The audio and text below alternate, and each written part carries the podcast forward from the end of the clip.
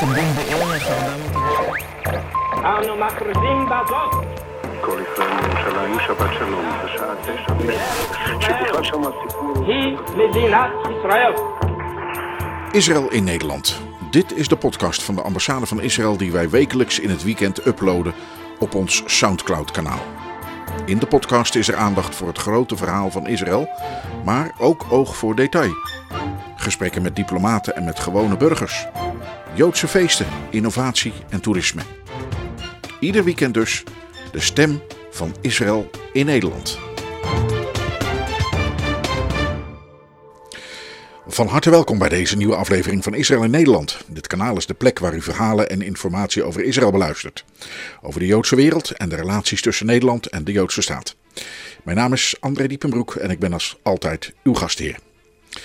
Een podcastkanaal hebben heeft voordelen. Zo kun je dingen belichten die elders niet te vinden zijn of geen aandacht krijgen. Soms kun je iets bespreken wat nuancering behoeft. En soms zit je gewoon vooraan bij het nieuws. Hoewel, we hebben en hadden nieuws, maar de Nederlandse pers besteedde er nauwelijks aandacht aan. Het bezoek van premier Rutte aan Israël.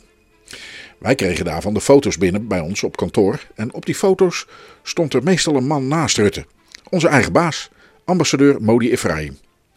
Dus ben ik vrijdag maar eens bij hem binnengelopen om eens wat wijzer te worden over dat bezoek. Dit is Israël in Nederland.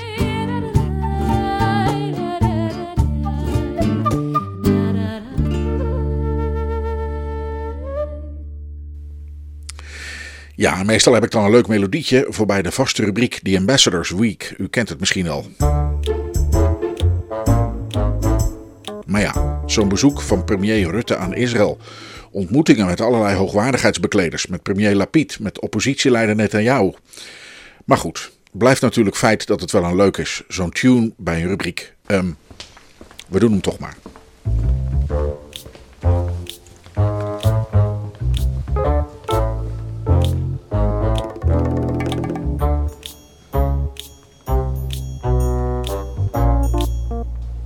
Ambassador, it's Friday. We're in your office, but you just returned from Israel. What happened? Well, I just came back from Israel, uh, enjoying the the nice weather here in the Netherlands as well. So uh, it was really uh, an intense visit. Uh, was really happy to to see and to be part of the visit of Prime Minister Rutte to Israel, an historic visit and important for our relations. And uh, there were many uh, issues that were discussed during the visit that probably will have a full year next year to work on different projects. And I'm really happy, you know, this is a, a it was a successful visit, and for sure it uh, it gives us uh, a real uh, good uh, thought about next year and how the bilateral relations are growing in many, many, many fields.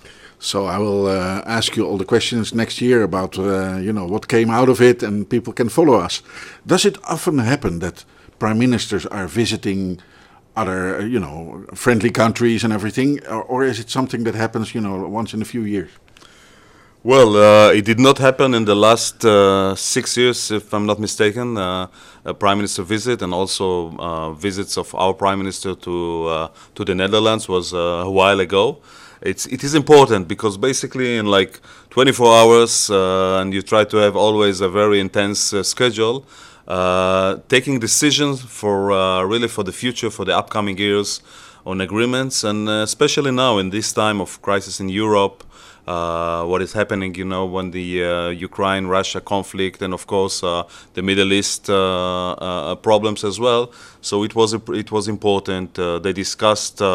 Uh, discussed with the prime minister, with the minister of defense, with the president of Israel, and of course with uh, others. And uh, Prime Minister Rutte also met uh, a group of CEOs of important uh, high-tech companies.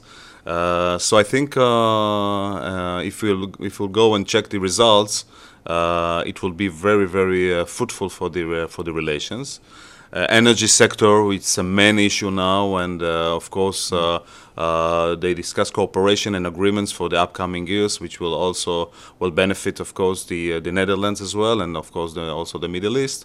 Water management is a is a crucial issue that we deal in Israel with this problem for years. We found some nice solutions, and we would like to share also uh, some of the experience uh, with the Netherlands, which is also now uh, in uh, in a different position than used to be, uh, and and many many other aspects, of course. Um, now, uh, Prime Minister Rutte came to to Israel, and there he met all these people, and also his colleague, Prime Minister Lapid. Uh, but I always saw in the pictures that came out of uh, it that you were also there, and also the Dutch ambassador. Why is that? Why are the ambassadors always like present when they meet? Well, uh, of course, you know, for a wedding, you always need the people behind the scene uh, to have a successful wedding for for long and happy life. And that's what we are doing. Uh, and it's not the ambassador. I'm basically representing the, the embassy here, and the ambassador doctor, the uh, uh, the Dutch embassy uh, in Israel. Uh, we worked before to prepare the visit, uh, all details of the visit, all agreements, and of course uh, the meetings and the schedule. And of course, we will be in charge to uh, implement the decision that were taken during this uh, the visit. That's always uh, what happens, and we have uh, is a good friend, Hans Doctor, the Dutch ambassador, and it was really a pleasure for me working together with the Dutch embassy and with the wonderful staff we have here at the embassy in The Hague. Um, Prime Minister Rutte also uh, visited uh, uh, Ramallah, visited uh, the Palestinian Authority. Are you also going there?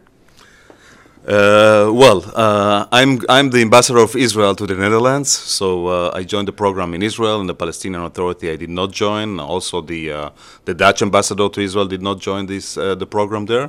It was important, you know. It's we are looking for different ways how to improve relation with the Palestinians, uh, how to promote uh, an agreement with the Palestinians, and of course, uh, uh, we we faced in the last uh, few months uh, acts of terror by uh, some radical groups. So I think it was important that Prime Minister Rutte uh, talked there, has met uh, Abu Mazen, the head of the Palestinian Authority, and trying to uh, uh, to engage uh, and to see how uh, can we work together and have a better life for the Palestinians, but also uh, to reduce the violence because the only thing we want is to have uh, quite a fruitful relation with our neighbors. We, uh, as you know, we, we have nice and good agreements uh, with Jordan and with, uh, Egypt, and recently we just uh, marked two years to the Abraham Accord. So there is uh, really a fruitful cooperation in different fields with the uh, uh, Gulf countries, with Morocco, and with others.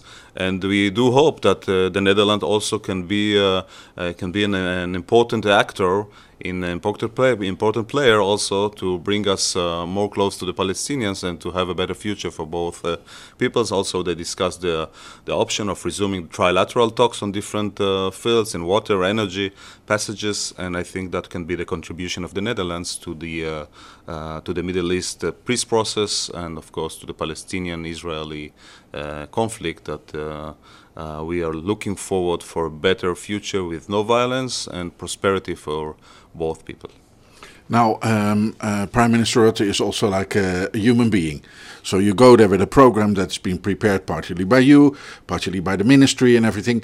But what do you did because you were with him uh, a couple of days? What what is his interest? What, what, do you think was what he wo- would like to to happen or to see, or what was his personal interest in in this um, trip that he made?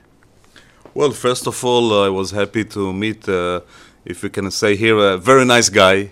Uh, it was uh, it was nice to talk to him on different issues. He's really taking care of the Netherlands, of the future of Netherlands, and I think uh, the energy was one of the main issues that he wanted to to promote uh, and to discuss. I think it was uh, very emotional uh, for him also to meet the uh, Holocaust survivors uh, Dutch Holocaust survivors. I think it's important, and for me as a as ambassador here, that um, uh, meeting and participating in different uh, memorial events, I think it is extremely important. And uh, we also discussed the opening of a new uh, uh, Holocaust museum here in Amsterdam. So uh, I think in that aspect, it was really I, I I saw that it was extremely important for him also to meet and to have an open discussion with the people. Uh, and then beside uh, uh, to have an ongoing dialogue on how to basically promote the the economy. We do know that we uh, we in, in Israel and here in uh, basically all all over the world we face uh, some crisis. So trying to find solutions, and I think. Uh, he came back with some ideas for new solutions that Israel can be a good partner for that, and I'm happy. And it will be also one of my uh, my roles in order to see how to uh, the, to bring this solution to a practical uh, uh, point. One newspaper wrote, like in big letters, Israeli gas for the Netherlands or for Europe. Now, uh, the gas uh, production in Israel is something relatively new and it's really expanding. Uh, there is now uh, a sea deal with uh, the border with Lebanon, um, also dealing with with rights for for um, taking natural resources out of the out of the seabed. Um, do you think it it will go that fast? I mean, like natural gas from Israel to Europe?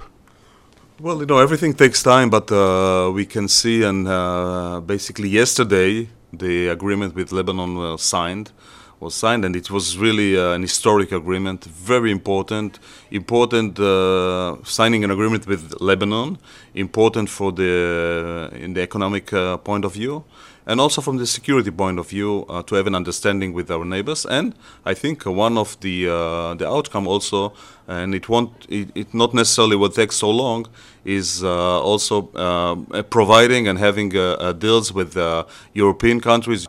So there is there is a promising. Uh, future because of this new cooperation bilaterally and also through the European Union. There is an extremely also important for us uh, uh, the trilateral cooperation in the region with Cyprus and Greece. And I think the future should be uh, trying to find together the solutions. Uh, and of course, as a consequences of the uh, crisis in, in, in Ukraine, uh, we have to look for new ways. That was impressive that uh, Prime Minister Rutte is trying to do with the with the Dutch government, and not just with Israel, but with other partners as well. And we, as allies, as good friends and partners, and with the experience and with the uh, possibilities now, I think it can be uh, uh, very soon part of the. Uh, cooperation between uh, both countries, and I'm really happy that we can be uh, part of it, and also having uh, some uh, benefits and, and great results for the Dutch society. Now, um, in once upon a time in your life, you decided to become a diplomat, and you did that for certain reasons. Is a visit like this, and that you're really negotiating topics and everything like that, is that something like of a highlight in in your career? Is it something that you that you think like this is why I choose this career? Well, of course, you know, uh, uh, you always want to uh, to to uh, be able to have an impact on some aspects, and as we say in Israel, uh, uh, beside representing my country and promoting the the my country interests in, in different aspects, is also part of uh, you know tikkun olam, repairing the world, being uh, having uh, also some talks on how can we uh, first of all reduce the violence, and of course uh, taking care of improving life if it's for the Palestinians, for the Israelis, and of course for the, the Dutch society. So in this kind of visit, you you basically you understand and you see that in specific decision or including this kind of meeting on other meeting and raising some specific issues that like why uh, we are promoting now uh, uh, a trilateral uh, meetings and conference here in the Netherlands on water management for the Netherlands and also with the, uh, our new new partners in the, from the Abraham Accords countries. So yeah, it's an, an impact that when you start and and thinking about being a diplomat, so it's not just to send and to inform on what is happening happening in this country, and uh, uh, but basically to have an impact on the real life of the people from your country and from uh, a friendly countries uh, like the neighbor, the Netherlands. So I'm happy. I'm. Uh, it's a privilege for me to be ambassador here in the Netherlands, ambassador of Israel, and I'm sure we'll have some many more successful visits, but not just visit projects and cooperation that will have a real impact on the daily life of both the peoples. It's uh, Shabbat almost. Um, anything special for dinner? I, I guess you were like uh, very tired after. It's almost a week, right? That you were have been there. Well, it's always good to be back. Uh, I have to tell you also, it was a great for me experience to see my father while visiting Israel. What we try is also, beside the official visit, of course, to see my uh, my old father. He was really happy to hear about the visit of Prime Minister Rutte, and also about what we are doing here in the Netherlands in the emb- in the embassy, and not just my father, also the grandkids and the kids. So uh, it was good. And coming back to the Netherlands, coming back home to my wife, so we'll have some uh, quiet weekend after And a birthday party. And a birthday party. Yeah yeah always you know celebrating. We just celebrated here at the embassy with the, the great friends of uh, the staff of the embassy. And you know uh, celebrating birthday outside your country it's not always easy. So we try to find the best way to do it uh, and to feel at home. So it will be uh, hopefully a quiet shabbat. Shabbat shalom to everybody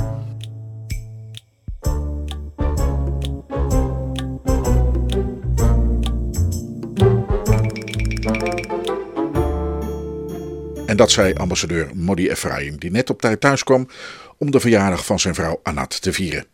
We wensen haar en hem nog vele goede jaren toe.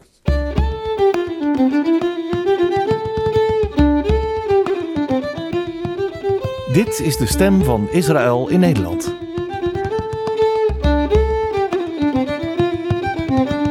U hoort en leest hetzelfde nieuws als ik. En het klimaat, de zoektocht naar duurzaamheid, vormen daarin een hoofdonderwerp. En u woont waarschijnlijk ook in een woonwijk waar heel veel buren inmiddels grote zonnepanelen op hun daken hebben liggen. Duurzame energie, innovatieve techniek, het terugdringen van de afhankelijkheid van fossiele brandstoffen. Het is allemaal erg in. Eerder dit jaar organiseerde mijn collega Rob Dekkers, die hier de portefeuille innovatie beheert, een evenement wat het midden hield tussen een beurs, een klein seminar en een netwerkbijeenkomst. Ik mocht daar ook naar binnen met mijn microfoon en belandde op de borrel waar ze net hamburgers serveerden, dus ik zat goed. Hoewel bleek daar geen gram vlees in te zitten. Wie wel aan het proeven waren, waren dokter Mark Bonenschanser en dokter Katja Panke, beide verbonden aan de Technische Universiteit Eindhoven. Dr. Bonenschanser is Managing Director van het Eindhoven Institute for Renewable Energy Systems, IRIS. Volgens de website van de universiteit gelooft hij dat wetenschappen en de industrie samen een cruciale rol spelen in de energietransitie. En Dr. Panke is directeur van het High Tech Systems Center van de Technische Universiteit Eindhoven, de TUE. Ik maakte een praatje tijdens de proeverij over innovatie, techniek en de samenwerking tussen Brabant en Israël. Wat zit er dan aan proteïnebron in? Proteïne van etten en van soja, onder andere. Geniet Lekker. ervan. Dankjewel. Kijk, hier. kijk. Drie dingen. Nou. U gaat, eh, u gaat proeven. Ik ga proeven. Ik ben Dit heel ziet eruit als een, eh, een onvervalste hamburger. Het ziet eruit als een onvervalste hamburger, maar ik begrijp net dat er geen enkel grammetje vlees aan zit. Er zit ook een, een stokje in met een vlaggetje. Kijk uit, dat Ja, u daar ja. niet in bijt. Die zijn gevaarlijk. Die zijn gevaarlijk. Ik ga eens even kijken. Mm, lekker hoor. Ja. Echt waar? Of zeg u dat gewoon van, nee, nee. ja, ik wil, eh, ik wil het zeggen. Nee, ik had al een beetje honger, maar eh, hij is echt lekker. Hij is echt lekker. Ja, Maar even erg lekker, hè? Het is een hamburger. Proeft het ook naar vlees? de eerste bite, en dat zal waarschijnlijk aan bakvet zitten. Eh, dan denk je inderdaad echt, je hebt een hamburger te pakken. Als je blijft dooreten. mm, De structuur is goed, maar dan merk je aan de smaak inderdaad dat het een, een vegan versie is. Maar de structuur is lekker, de bite is lekker. Mm. En de smaak is niet vies, maar is wel net een tikje anders dan vlees. Er staat naast u ook een buurvrouw, die gaat ook nu een hap nemen.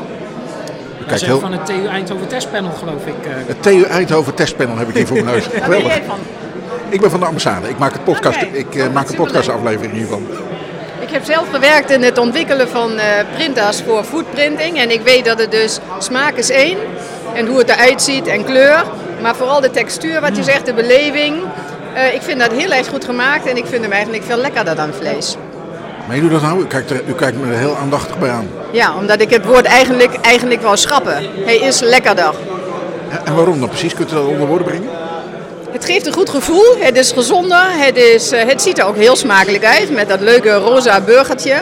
Ik eet totaal geen fastfood en burgers en bij dit heb ik het idee ik mag meedoen. Want het is niet verkeerd. Het is zeker niet verkeerd. Ik zou hem aanbevelen. Wilt u een hapje? Coronatechnisch is dat niet toegestaan, geloof ik. Nee, jammer dan. Dat is wel... eh, Er wordt weer druk, eh, druk verder gegeten. Eh, ik ga eens even kijken, want er waren nog meer eh, andere... Ik heb trouwens natuurlijk wel het TU-team hier voor mijn, ja. voor mijn neus Ja, staan. het testteam. Nu, we, nu we er toch zijn. Ehm dokter Bodemschansen. Zeg het eens.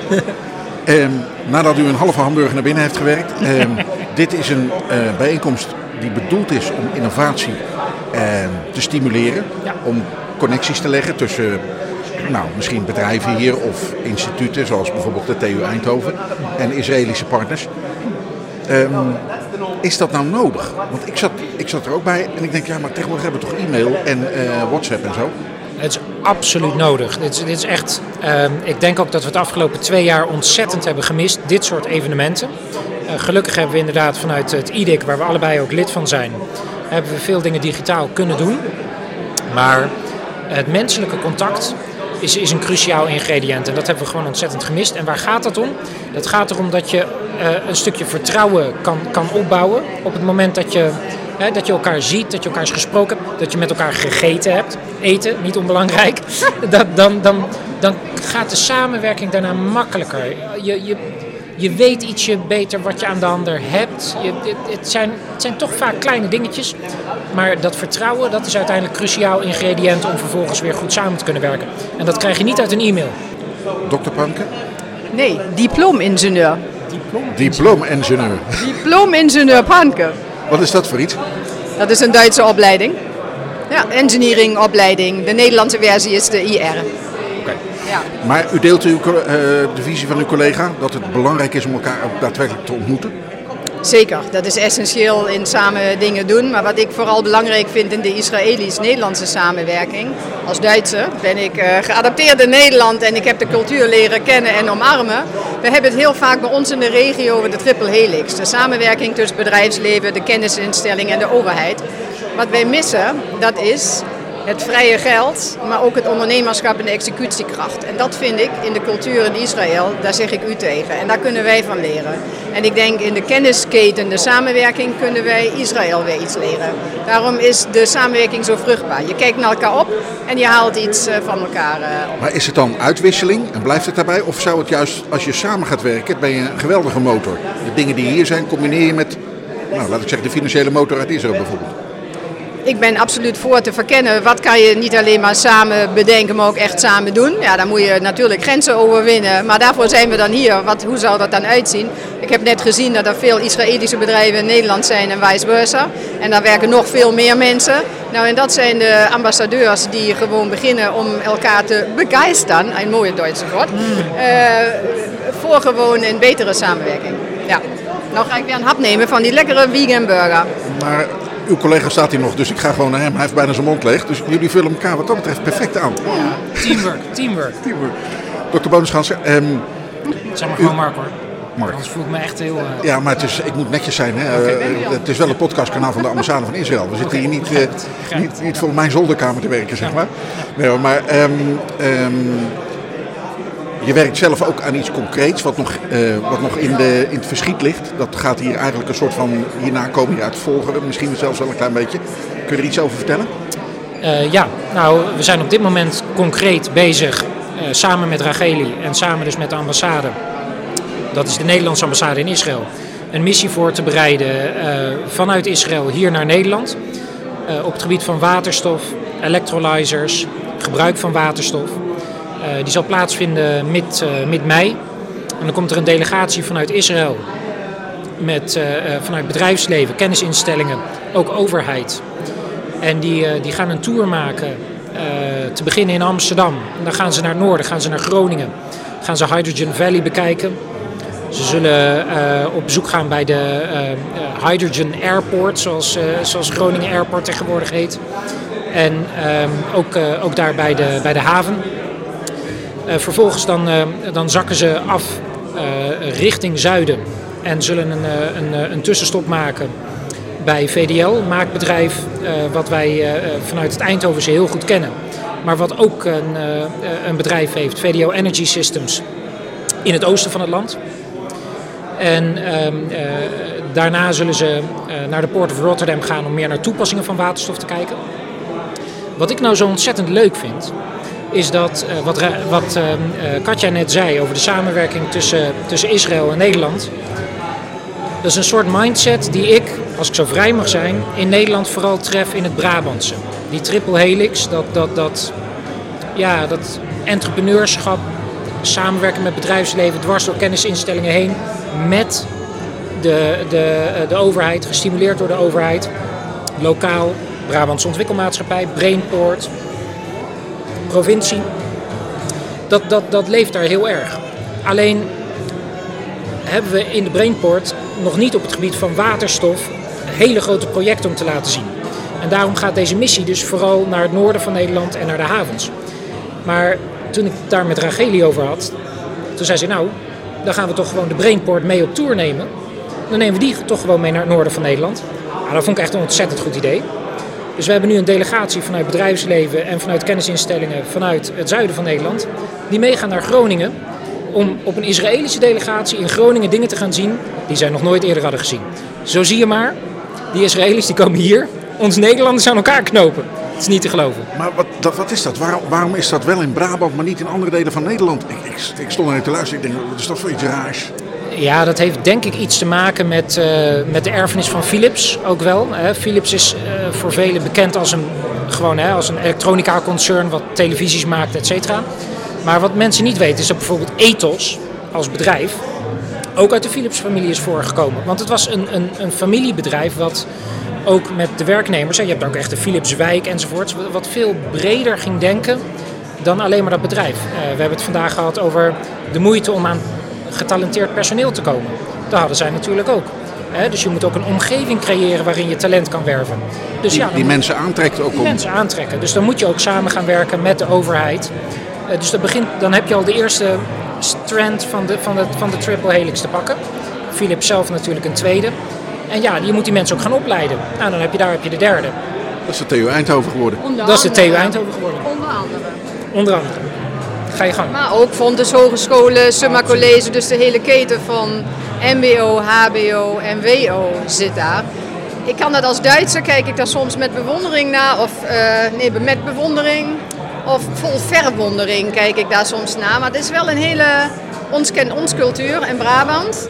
Het is een hele sterke maakindustrie. Mark Hendriksen heeft net verteld, eh, de high-tech sector is daar bijzonder goed in de keten van toeleveranciers en OEM'ers. En de kleinschaligheid van een universiteit maakt ook dat je veel nauwer met de industrie kan samenwerken en je curriculum kan afstemmen op de behoeften en de dynamiek van de industrie. Dus wij moeten mensen opleiden die de industrie nodig heeft en niet eh, met ons curriculum kijken eh, wie zit hier straks op te wachten. Dus we moeten heel goed de roadmaps kennen, kunnen luisteren naar de industrie, maar ook de snelheid en het ondernemerschap ergens toch kunnen evenaren in de manier van hoe we ons onderwijs, maar ook onderzoek inrichten. Ik kom nog even terug eh, eh, bij u. Waterstof. Waarom hebben we dat nou weer nodig? Waarom hebben we waterstof nodig? Nou, We gaan toch alles elektrisch doen?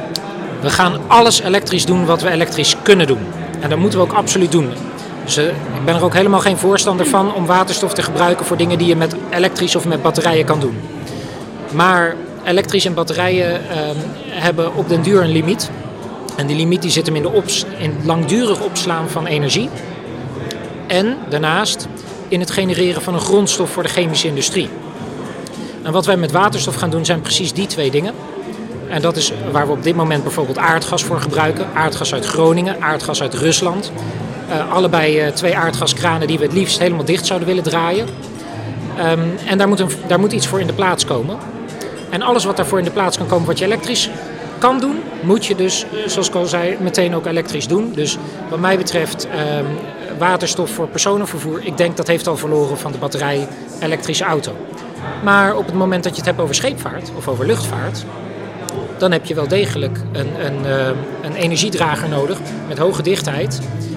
Dan kan je er niet allemaal met batterijen doen. Misschien bij de luchtvaart voor cityhoppers nog wel. Maar op het moment dat je naar Amerika wil vliegen, dat kan je niet doen met een vliegtuig op batterijen. Idem dito hebben we hier in Nederland een grote eh, chemische industrie. Yara, die, eh, die, die eh, kunstmest maakt. Hartstikke belangrijk om, om, om ook voor onze voeding wereldwijd te zorgen. En die heeft gewoon waterstof nodig om dat met stikstof te laten reageren tot ammonia. Om, als basisingrediënt zeg maar, voor de kunstmest. En dat waterstof dat halen ze op dit moment uit aardgas. En dat waterstof dat willen wij op een duurzame manier gaan maken. En dan heb je weer stroom nodig. Daar heb je die groene stroom voor nodig. Dat doen we met een apparaat, dat noemen we een electrolyzer. En een electrolyzer die splitst water met behulp van groene stroom in waterstof en zuurstof. En ehm, op dit moment is de waterstof die je op die manier maakt nog een factor 10 te duur ten opzichte van de waterstof die je kan maken uit aardgas. Met het proces wat we steam methane reformation eh, noemen. Dus moeten wij een, een, een kostendaling van een factor 10 maken. En waar zit die hem nou in? Nou, die zit hem voornamelijk in het maken van die high-tech equipment van die electrolyzer. In het goedkoper maken, dunner maken van stukken staal, eh, slimmer integreren. Veel van die dingen worden nu nog gewoon met de hand in elkaar geknutseld. Dat kan je eh, veel slimmer en veel beter doen. En de grap is dat we in, in, in, eh, in de Brainport omgeving een heel netwerk hebben aan maakindustrie die veel van dit soort processen en componenten ook kennen. Bijvoorbeeld voor de machines voor, voor, ehm, voor ASML. Bijvoorbeeld voor de machines voor de automotive, waar je nu brandstofcellen in gebruikt. En eh, veel van die, van die processen en componenten kunnen we ook inzetten voor het maken van electrolyzers. En dat is eh, waar ik me op dit moment bijvoorbeeld mee bezig ga. Waarom is het zo belangrijk om toch uiteindelijk van de fossiele brandstoffen af te raken? Kunt u dat eens kort? Ik heb het gevoel dat ik nu voor iemand sta die kort even iets kan zeggen daarover. Nou, wij als Nederland zouden heel graag van de fossiele brandstoffen af moeten. Israël hoeft zich misschien ietsje minder zorgen te maken. Want als je 1 meter zeespiegelstijging hebt, dan eh, kan je in Israël niet meer uitgaan in Tel Aviv. Maar de rest van Israël, dat, dat, zit, zit nog wel goed. Maar wij als Nederland eh, moeten ons realiseren dat ongeveer een kwart van ons landoppervlak ligt gewoon onder, zeespiegel, eh, eh, onder zeespiegelniveau. En de helft van ons landoppervlak ligt niet meer dan 1 meter boven zeespiegelniveau. Dus op het moment dat wij eh, opwarming van de aarde gaan krijgen en stijging van de zeespiegel, dan hebben we als Nederland echt een probleem. En dat gaan we krijgen en dat probleem dat, dat moeten we onder ogen gaan zien. Maar alles wat we kunnen doen om dat probleem zo klein mogelijk te houden, daar moeten wij heel hard aan werken. Die CO2 dus terugschroeven. CO2-emissies terugschroeven. Ja, absoluut. En dat u, eh, hè, jullie als eh, mensen van een technische universiteit, dat CO2 dat is werkelijk de, de grote motor van de klimaatverandering. CO2 is de grote motor van de klimaatverandering. Maar CO2 kan uiteindelijk ook de, ba de basisgrondstof van onze chemische industrie weer zijn. Op het moment dat het ons lukt om die CO2 uit de atmosfeer af te vangen, of bij verbrandingsprocessen af te vangen. Ja, en we hebben daar, Katja noemt daar net een heel mooi vo- voorbeeld van. En daar kan Katja denk ik veel meer over vertellen, want die zit in de Eindhoven Engine, waar Katja ook heel veel over kan vertellen. Eh, is, is Carbion, dat is een start-up in de, eh, vanuit TNO. eh, in, op de high-tech campus in, in Eindhoven en dus bij Eindhoven Engine. En die werken aan apparaten waarmee ze CO2 uit de atmosfeer afvangen. Want CO2 is op dit moment een probleem, maar het is ook de grondstof voor de toekomst. Alleen we willen hem niet in de atmosfeer, maar we willen hem in onze plastics, in onze medicijnen, in onze kunststoffen, in onze ja, duurzame brandstoffen. En is dat iets wat ver weg is? Die- Sorry? Is dat iets wat nog ver weg ligt om die eh, CO2 uit de atmosfeer te halen? Nou ja, ik denk voordat je het industrieel kan toepassen, dat ligt nog echt een, een aantal jaren voor ons. Maar dat neemt niet weg dat we daar vandaag de dag aan moeten beginnen. Eh, en Mark noemde het net ook al, dokter Bonusganser. eh dat de systeemaanpak, ja dat is heel mooi, de systeemaanpak, hoe je dus leert van andere industrieën, dat je de crossovers tussen de verschillende ehm, domeinen, daar zit vaak de innovatiepower. Dus dat je leert van elkaar en dingen gewoon slimmer doet en sneller. Wij zitten bij Eindhoven Engine, eh, Mark noemde het net al, eh, ons vooral druk te maken hoe kunnen we de exponentiële snelheid van ontwikkeling ergens evenaren de manier van hoe we ons onderzoek doen. En daar geloven we naast eh, de de goede multidisciplinaire onderzoeksprogramma's gewoon heilig in. Juist in die crossover innovaties. En dan moet je ergens organiseren. Dat treft elkaar niet bij toeval. Of je moet het toeval organiseren. Dus eigenlijk, als ik dit allemaal samenvat, dan zou heel Nederland Brabant moeten worden. En, en Israël ook. Nee, nee, nee, zover wil ik niet gaan. Uh, kijk, wat wij bijvoorbeeld in het noorden van Nederland hebben, wat wij in het noorden van Nederland hebben qua gasunie-infrastructuur, dat is mooi complementair aan wat wij aan high-tech equipment en kennis hebben in het zuiden. Uh, en dat is weer complementair aan de chemische industrie en de Port of Rotterdam. En zo heeft Israël ook, denk ik, in een heel klein landoppervlak een enorme diversiteit aan, aan, aan bedrijfsleven, aan kennisinstellingen. Van, van in het zuiden bij de woestijn een fantastische opstelling voor PV-panelen bijvoorbeeld om die te testen. Uh, zij hebben gelukkig wel een PV-maakindustrie, dat is ons in Nederland helaas niet gelukt. Um, en, en, Wat is dat? De, de zonnecellen, zonnecellenmaakindustrie. Wij hebben daar in Nederland overigens wel een heel mooi kennis, uh, kenniscentrum voor. Maar het is ons nooit gelukt om dat. We hebben het geprobeerd tot de maakindustrie te tillen. En die is uh, helaas uh, overgenomen door de Chinezen. maar ik denk, wat, wat, wat je ziet is. In Nederland heb je dus een aantal puzzelstukjes. Hè? De, de chemische clusters, de high-tech clusters, de energieclusters. En wat wij proberen te doen, is eigenlijk uh, wat Katja ook in Eindhoven Engine probeert te doen, die clusters met elkaar in contact te brengen. Want waar de echte innovatie plaatsvindt, is op de interface, op de, op de, op de raakvlak tussen, tussen zulke clusters, tussen zulke bedrijven. Dat bedoelde ik met Brabant worden. Oké, okay, oké. Okay, nou clusters dan... die bij elkaar liggen en die je in elkaar schuift en dan tot samenwerking komen en resultaten. Dan moet heel Nederland Brabant worden. Dan ben ik het helemaal met je eens. Dit wilde... Als we het hebben over de stijging van de zeespiegel, hebben we weer de uh, kennis en kunde van uh, alles over het bouwen van sluizen en dijken en het watermanagement nodig. En daar kunnen we in Brabant minder. Is genoteerd. Ik wil jullie hartelijk danken allebei en veel succes wensen. Dank u wel. Graag gedaan.